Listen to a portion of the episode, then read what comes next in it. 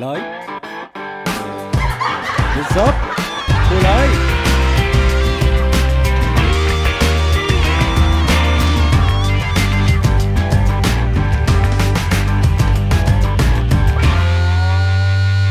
مساء الفل.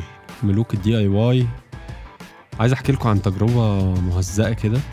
كان الواحد اتحط فيها زمان. ليها علاقة برضو بموضوع ال DIY أنا كنت من الناس المؤمنة إنه إحنا ممكن نعمل كل حاجة في البيت ونقدر نعمل أي حاجة في البيت. يعني وده في التفكير ظريف قوي. يعني حلو. المهم يعني إيه قررت في مرة إن إحنا نتلم كده كلنا ونروح حي الفخارين اللي هو في مجمع الأديان ده. مكان فعلا حلو و- واليونسكو كان جدته جدده وبتاع وظريف فعلا يعني حلو جدا. دخلنا الحتة اللي بيعملوا فيها الفخار. موضوع طبعا مبهر جدا. إذا كنت هتعمله أو هتشتري الحاجات اللي هم عاملينها حلوة جدا.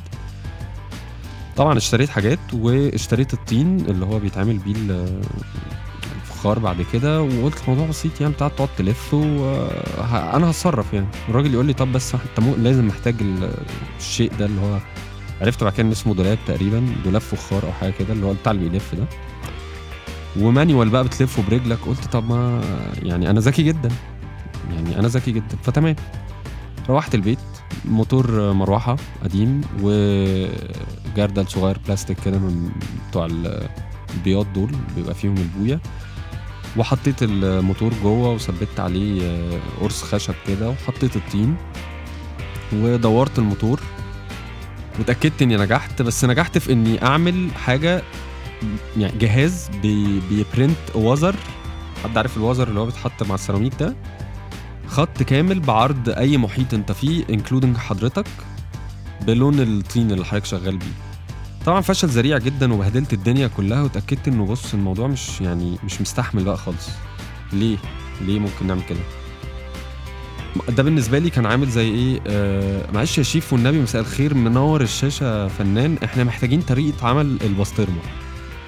برضو يعني وبعدين عشان إيه عشان هتعملوا إيه؟